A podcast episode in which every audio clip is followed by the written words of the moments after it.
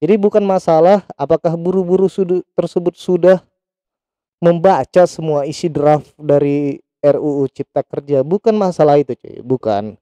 Lebih ke kepada siapa RUU itu berpihak.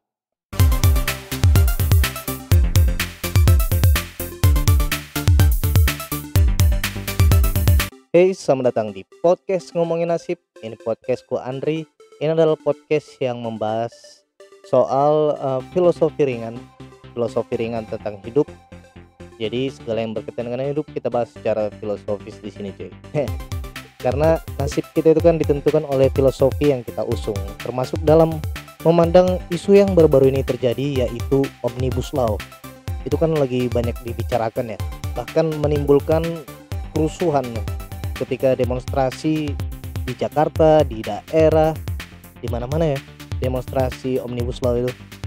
Kalau aku sendiri sih memandang ini sebagai sebuah kewajaran sih.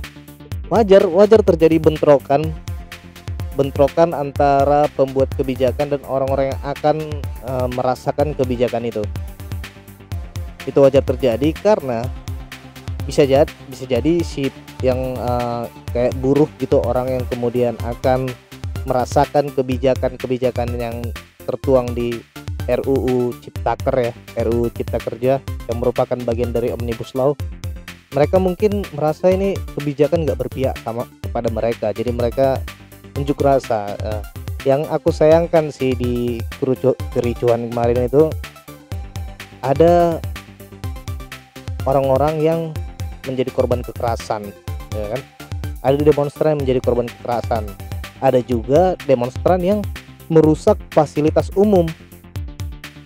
Jadi di antara pihak yang berdemo dan yang mengamankan itu sama-sama melakukan hal yang ya nggak nggak asik gitu nggak masa harus kayak gitu sih gitu.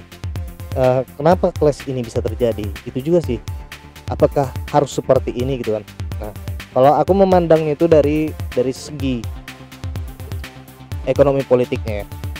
Jadi dalam teori-teori ekonomi politik itu ada yang namanya pertentangan kelas.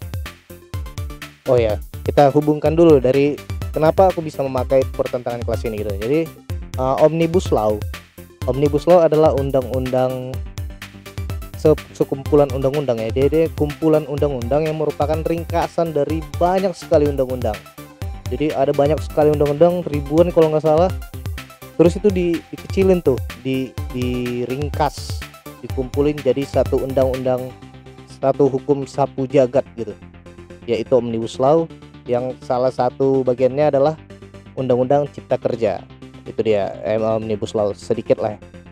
kalau isi-isinya sih aku belum terlalu mempelajarinya ya apalagi bukan orang hukum juga jadi nggak kurang kurang berkapasitas lah untuk membahas kebenaran di baliknya. Tapi itu jelas dibikin pemerintah untuk meningkatkan ekonomi. Itu jelas dibikin untuk meningkatkan ekonomi versi invest investor, versi investasi. Jadi dengan adanya undang-undang itu investasi dimudahkan dan segala bentuk upaya untuk membangun bisnisnya itu dimudahkan. Jadi kalau omnibus law ini berhasil akan banyak investor asing yang masuk dan pembangunan akan lebih mudah di negara ini di Indonesia gitu kurang lebih seperti itu kenapa omnibus law ini uh, menjadi sesuatu yang diperjuangkan oleh pemerintah kita. Nah ketika investor mendapat kekuatan siapa yang akan menjadi korban?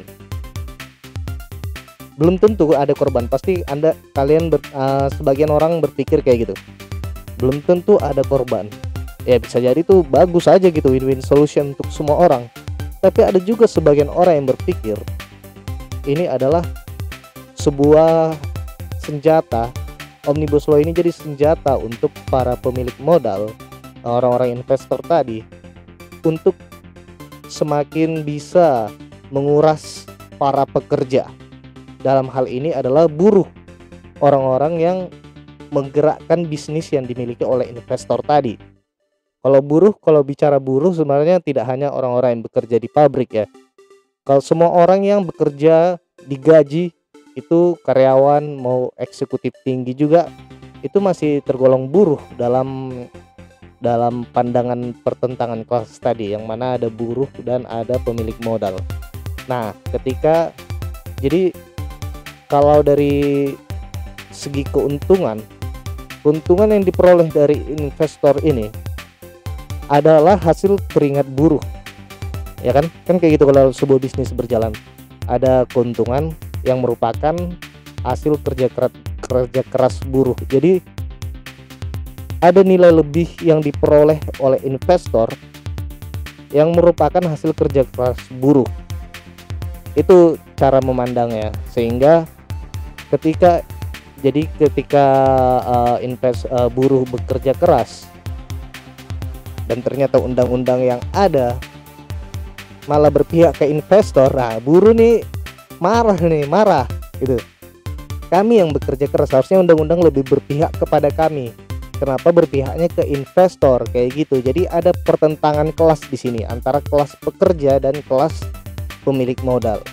Dan omnibus law ini ketika pemerintah mengesahkan katakanlah DPR DPR mengesahkan RUU Cipta, Cipta Kerja. Aku masih menyebutnya RUU karena RUU menjadi UU biasanya itu seharusnya uh, sebulan setelah disahkan gitu. Jadi RUU Cipta Kerja yang disahkan uh, pada hari Senin tanggal berapa sih itu itu menjadi UU sebulan setelahnya gitu.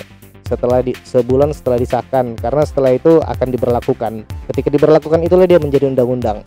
Nah menunggu ini menjadi undang-undang terjadi nih konflik.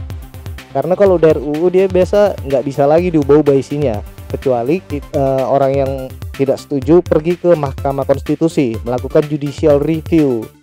Kan Presiden Joko Widodo juga udah mengatakan itu. Kalau masih ada yang nggak setuju silahkan judicial review ke MK ya kalau secara hukum sih kayak gitu. Tetapi instrumen demokrasi membenarkan ada yang namanya unjuk rasa demonstrasi dan itu adalah instrumen demokrasi yang selalu digunakan oleh buruh. Kenapa? Karena buruh itu masanya banyak dan demokrasi mengizinkan unjuk rasa. Unjuk rasa itu mengandalkan massa gitu. Jadi sangat wajar buruh memilih instrumen demokrasi yang itu, yang di jalanan itu sebelum mengajukan judicial review ke MK. Mungkin ada nanti kaum buruh yang akan melaksanakan itu atau juga mungkin itu ranahnya kaum intelektual. Mungkin ada kaum intelektual yang nantinya akan melakukan judicial review. Kita nggak tahu. Saat uh, waktu podcast ini dibikin sih aku nggak tahu ya, nggak tahu ke depannya. Jadi pertentangan kelas aku sih melihatnya ini uh, kericuhan yang kemarin itu yang terjadi di Jakarta dan di berbagai kota itu adalah pertentangan kelas nah sampai kapan sih kita harus bentrok-bentrok kayak gini gitu? Eh, katakanlah di zaman uh, Presiden Jokowi ya di zaman Presiden Jokowi bentrokan itu sangat sering terjadi. Yang dua apa ya oh kalau dua satu dua sih damai ya. Uh, apa yang kemarin pernah ricu-ricu kayak gini juga pokoknya pernah lah. Fasilitas umum dibakar gitu loh. Terus polisi mau nggak mau bentrok sama uh, pengunjuk rasa mau nggak mau karena uh, situasi di lapangan menajamkan pertentangan kedua ini gitu menajamkan uh, omnibus law ini juga gitu menajamkan pertentangan kelas tajam amat amat tajam ya udah celing celing gitu king king ya main dia jadinya akhirnya jadi bukan masalah apakah buru-buru tersebut sudah membaca semua isi draft dari RUU Cipta Kerja, bukan masalah itu, cuy. bukan. Lebih ke kepada siapa RUU itu berpihak. Lebih ke situ.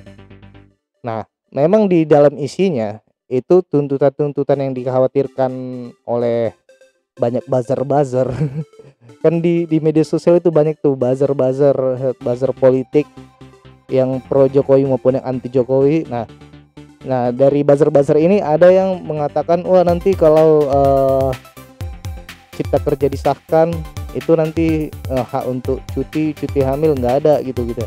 Uh, nanti uang lembur nggak ada. Itu kan buzzer-buzzer tuh. Apakah di undang-undang seperti itu? Enggak di undang-undang tetap ada cuman lebih diatur gitu kan.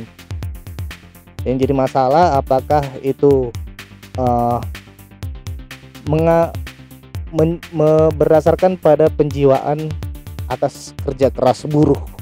Itu masalahnya gitu loh apa atau dia hanya mendasarkan kemudahan bagi investor. Karena ini ada dua pihak. Dalam sebuah bisnis itu ada dua pihak yang membuat bisnis jalan yaitu pekerja dan investornya.